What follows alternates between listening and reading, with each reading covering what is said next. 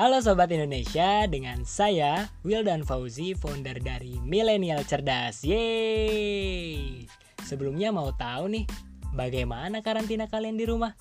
Pasti menyenangkan, karena bisa bareng keluarga, teman, rekan kerja, dan masih banyak lagi yang bisa kalian lakukan dengan cara yang unik. Pastinya untuk terus menciptakan keharmonisan ya. Ngomong-ngomong, kalian sudah tahu belum kondisi kependudukan Indonesia saat ini?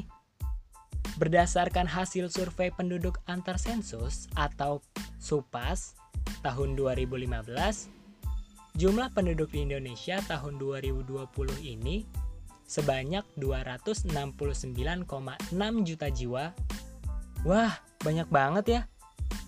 Ternyata penduduk laki-laki mendominasi daripada penduduk perempuan yang jumlahnya 135,34 juta dan penduduk perempuan 134,27 juta jiwa.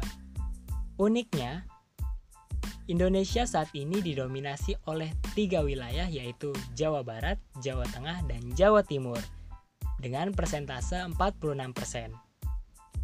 Lalu bagaimana dengan kuantitas dan kualitasnya?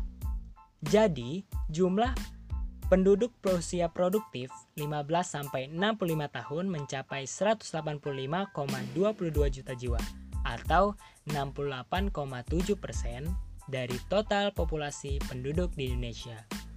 Sedangkan usia belum produktif 0 sampai 14 tahun yaitu 24,5 persen atau 66,05 juta jiwa dan usia tidak produktif di atas 65 tahun yaitu 6,7 persen atau 18,06 juta jiwa.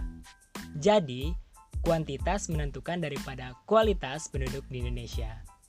Indonesia saat ini bergantung pada 45% persen penduduknya, dan posisi ini Indonesia masih berada dalam era bonus demografi yang di mana usia produktif lebih besar dibandingkan jumlah penduduk usia tidak produktif.